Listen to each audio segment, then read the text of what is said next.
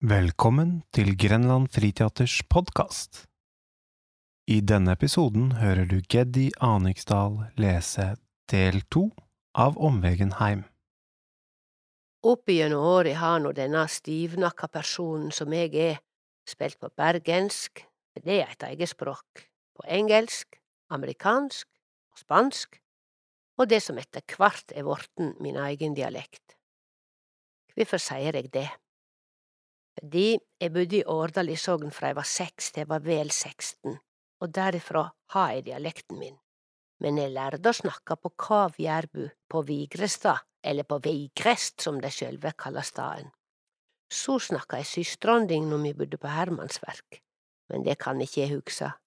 Jeg kan bare hugsa Årdalstangen i Sogn, Tangen og Tippen, Åsen og Kyrafossen, Loi og Vassbugen, Steinknusaren og Rørbrua, Kuba og Herøy, Båstippen og Båtadalen, Seimsdalen, Offerdalen og Vikadalen, og der er språket mitt for evig bått i hop med verket, med skulen, med vatnet, med grønfargaden, med fjelli, med fjorden, med dei andre som bodde der, med øvringane nå.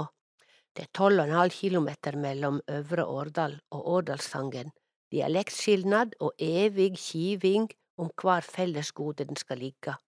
Øvringane fikk polet. Men fjorden kan de ikke ta fra oss, sjøvegen ut, om det er stengt over fjellet. For noen år siden ble vi invitert til å spille på Målrockfestivalen heime.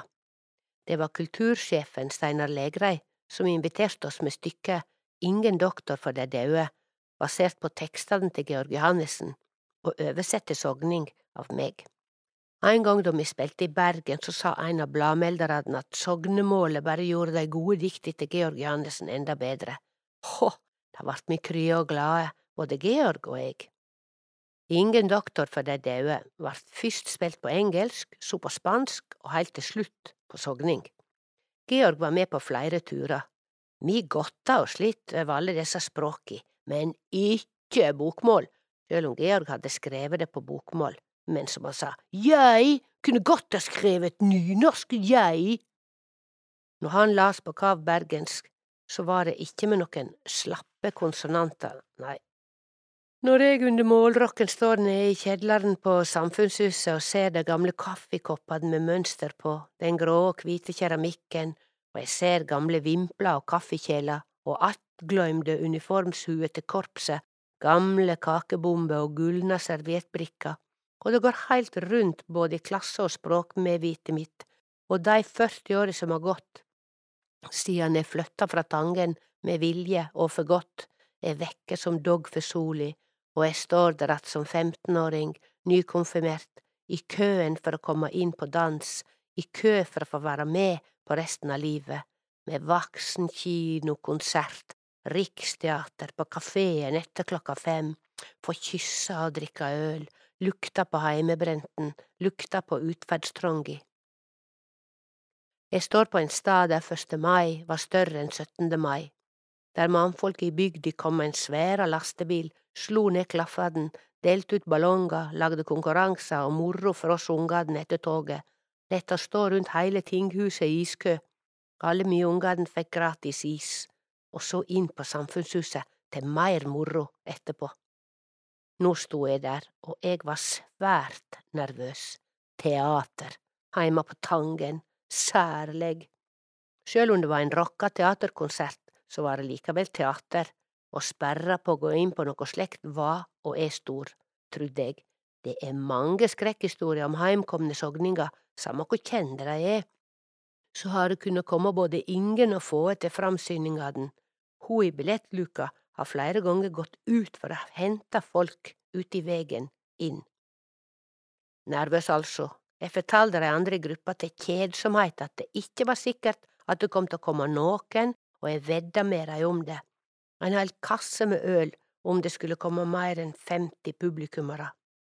Det andre jeg var så nervøs for, for var det som jeg kaller min egen dialekt. Sjøl om jeg har holdt på dialekten min, eller han har holdt på meg, så har jeg bodd på mange plasser, og jeg går heller ikke umerka gjennom livet.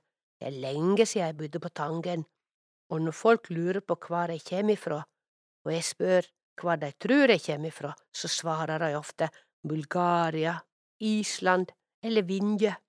Svært ofte tror de at jeg er utlending. Er vestlendinga utlendinger?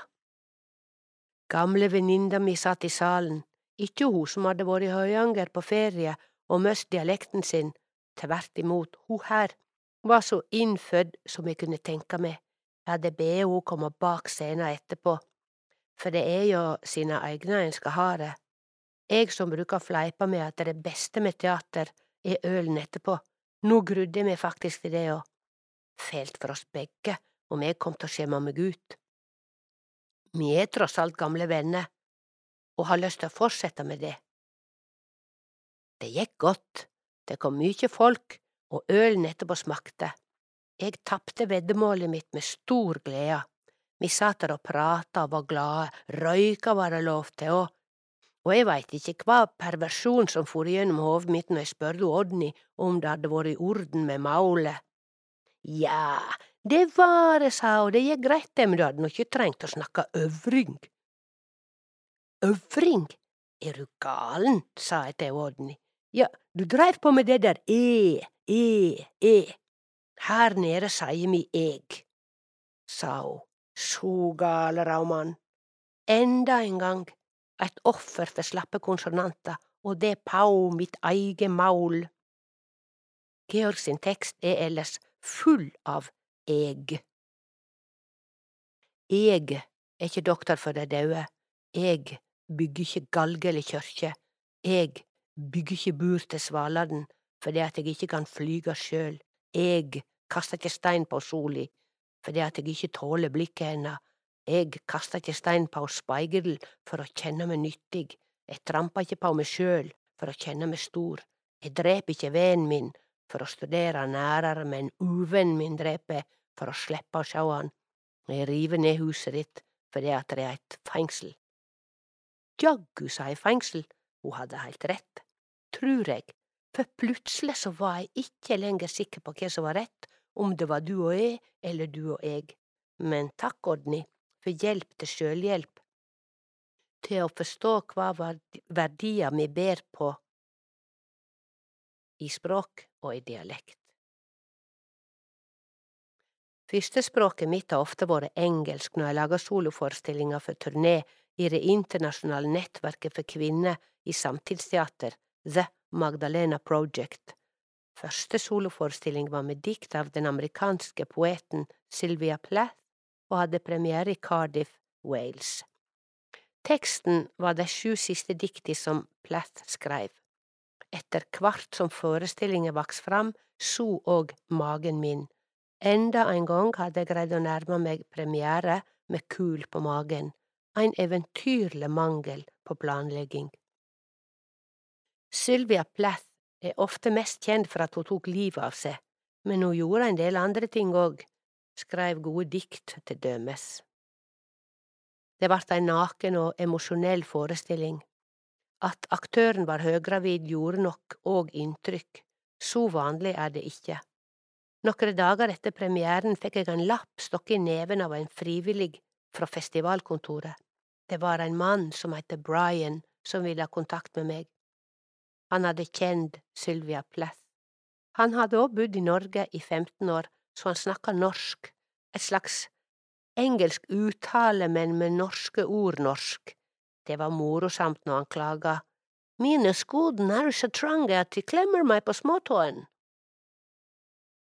Det som var viktig å få sagt for han, og fint å få vite for meg, var at de to hadde gått på universitetet i lag, og at hun hadde vært ei svært munter, frekk og direkte dame, ifølge han. En gang kom hun og ringde på døra hans på internatet for å spørre etter romkameraten. Da Brian åpna i bare badehåndkle, tok hun, den ennå ikke berømte Sylvia Plath, og nappa av han håndkleet så han sto der i døråpninga i bare nettoen, og hun så på han med et skøyeraktig uttrykk i ansiktet og sa The naked truth, wow! Før hun lo høyt, vendte om og gikk. Større inntrykk gjorde nok neste lapp fra en annen publikummer som arbeidet i BBC, og som satt på originalopptak fra da Sylvia Platt las opp egne dikt i radioen, om jeg ville ha dei? Svært gjerne. Sylvia Platt var opptatt av hvordan diktet hennes skulle lesast, og hun oppmoda leserne sine til å lese dem høgt for seg sjølve. I Norge snakker vi tross alt et språk som egner seg best her i landet. Jeg har ikke mye hell med meg om vi snakker sogning i Danmark til dømes. Men vel heime att gikk vi i gang med å lage norsk versjon. Jeg kan ikke si sognamål. Det kan vi ikke nett kalle omsetjingene til hardingen Olav H. Hauge for. Bare fem av de sju dikta vi brukte i forestillingen Stjernene kjem ikkje nærare, hadde Hauge dikta om for en god del år siden, vi fant dei i et nummer av Vinduet. Det var to dikt til som jeg gjerne ville ha med, så jeg stramma meg opp og ringde inn til Ulvik i Hardanger, til Olav H. Hauge. Han var vennlig, han, hørte hva jeg hadde å si, og hadde ikke noe imot at vi brukte omsettingene hans, det var fine greier, det, men ta på seg å setja um nokre flere av platt nå? Nei, jeg har nå mest um gjeve meg på det, sa han. Da lyt eg gje meg òg, da, sa eg. Der så. Mi fikk freista sjølve. Det kjendes som å hoppe etter Virkola, men med støtte i engelsk versjon, de andre dikta som Hauge hadde omsett, og ungdommelig overmot, for vi håpe at vi ikke gjorde oss heilt vekk, regissør Tor Arne og eg. Her kjem eit dikt fra Olav H. Hauge si omsetjarhand. Spegel. Eg er sylv, og eg sagt. Eg har ikkje meiningar på fyrehand. Alt eg ser, svelger eg straks, nett som det er, utan skugge av kjærleik eller mothug. Eg er ikkje hjartelaus, seger bare sant, auga til ein liten gud, firkanta. Det meste av tid grunner eg på veggen beint imot, han er raud, med flekker. Eg har sett på han så lenge at eg synest han er ein del av meg sjølv, men han flakkar, andlet og myrken skil oss atter og atter. Førestillingen Stjernene kjem ikkje nærare vart spilt mot slutten av åttiåra, og er slik jeg minnes det, starten på et langt arbeid med poesi som materiale for teaterscena.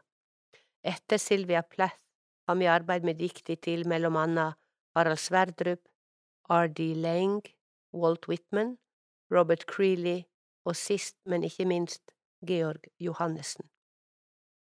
Jeg møtte Bergen, bergensmannen Georg Johannessen i samband med at Grenland Friteater arrangerte fire møter med fire forfattere, og sist ut i rekka var Georg. Da var jeg akkurat flytta til Porsgrunn våren 1981. Slik sett går det stadig bakover, heilt til det går framover igjen. Georg skulle lese dikt på Folkets hus, og det gjorde han. Han las både vel og lenge. Mot slutten gikk han i gang med det kjente diktet Min gamle mor, som er ei marxistisk regle for voksne barn og skal lesast med trykk på min. Min gamle mor gikk rundt en busk, min gamle mor gikk rundt en gran, min gamle mor gikk rundt en skog, min gamle mor gikk rundt seg selv. Kom hjem, mine barn, huset er dører, kom hjem, min sønn, kaffen er kald, vasken er en strupe, havet er en munn, eplene på marken, plukkes opp av trær. Lenge kom han ikke før en tertefin mann braut inn. Kan De, ja, jeg er ganske sikker på at han sa De, kan De lese litt høyere, jeg kan ikke høre hva De sier. Da bøygde Georg Johannessen seg fram og sette øynene sine i mannen, og om de har vært med på hvordan det er når Georg setter øynene sine i ein, så veit de at det kjem ein ikke upåverka fra. Og så sa han, om du, og jeg er ganske sikker på at han sa du, om du ikke kan høre hva jeg sier, så er det bare på grunn av indre motstand. Hvor tøff jeg tykte han var da, heilt fryktløs, og jeg tenkte at slik skulle jeg ønske jeg kunne snakke. Og så var neste tanke at det kom jeg nok aldri til å tåre. Omgrepet indre motstand har nå fått en egen plass hjå oss på teatret, vi bruker det når det er påkrevd. Vi held kontakten med han Georg og vart kjende. Vi las Cassandra, et skuespill som vart oppsett på Det Norske Teatret. Vi las dikt og prosa, og i 1995 presenterte vi forestillingen Gode tider for de onde, en poetisk kabaret om moralen, sosialdemokratiet og det gode liv. I samband med at Georg var festspelldikter under Festspillene i Bergen samme året vi var der og spilte. Forestillingen var delt inn i fire satser, som i en symfoni. Første sats, adagio, i Kina for 1200 år siden, haust. Tekster av Tufu. Georg ga ut ei samling med attdiktinga i 1968. Georg sa at det var viktigere at Tufu kom ut hvert tusende år enn at VG kom ut hver dag. Lat ikkje tårer falla, plukk dei opp, dråpe for dråpe. Sjøl når alle tårer er plukka opp, kan ikkje opp og ned hjelpa oss. Andre sats, allegro ma tanto, i Norge for 40 år sia, vinter, dei onde tidene. Eg veit kva andre veit, eg veit ikkje noe meir. Dermed veit eg at protesten min er gyldige, sanneleg. Dette er gode tider for dei onde. Brødet er vorte så billigt at ingen døyr lenger i gatene bare på avispapir. Like lang som telefonkatalogen er lista over myrda unger, og like keisam, her skjer ikkje noe, her bor berre mordarar. Tredje sats, Skertso, i Norge for ti år sia, våren, grotid. Denne satsen er revyaktig og tek oss til Mongstadland og til den eventyrlige bruken av både språk og penger. Det var det klasse over. Her hadde vi en liten norsk tulling som sa av alle folkeslag i heile verda er det nordmennene som har drømt den vakraste draumen om livet, Velferdsstaten er ikke sveinsk eller marxistisk, men drømt opp av norske sinn. Fjerde sats Allegro, sommer, i Epikurs hage. Epikur dreiv en filosofisk skole som gjerne vart kalla Hagen, der både elever og andre interesserte var velkomne. Skandaløst nok fikk både slaver og kvinner komme òg. Herunder skal jeg lese en variant av Epikurs sin tetrafarmakos, eller firefingerregel. Den kan gjerne leses på bergensk, og det skal jeg òg prøve nå. Dette er Epikurs første bud, du skal ikke frykte din gud, det er du må selv bli frisk til sinns, gudene vet ikke at du fins. Epikurs andre moralbud lød, du skal ikke være redd din død, for de døde føler ikke noe, Alt ondt forsvinner med det gode. Tredje og fjerde bud er fort forstått. Vondt er ondt, og lyst er godt. Fra da og fram til i dag har vi laga sju forestillinger basert på tekstene hans. Den siste ut er Mitt liv som mann, ei sjølbiografisk vandring gjennom oppvekst i arbeiderklassen og langt liv i gruppeteatret der mannerolla og arbeiderklasseerfaringa er viktige peilestaver. Ingen doktor for de daue og Mitt liv som mann turnerer i inn- og utland, framført på engelsk, spansk eller sogning. Jeg skulle gjerne skrevet at Georg var med på videre reise med forestillingene, men vennen vår og støttespilleren Georg døde i desember 2005.